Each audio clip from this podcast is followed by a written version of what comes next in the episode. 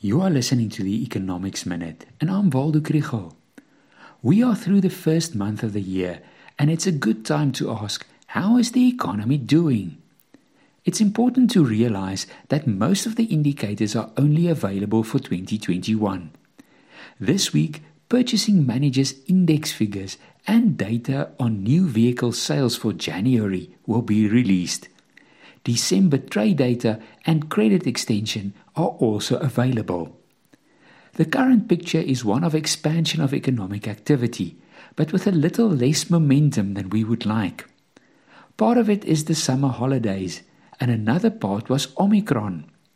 Furthermore, the pressure on prices is still there, and it looks like food, fuel, and electricity prices will rise even further.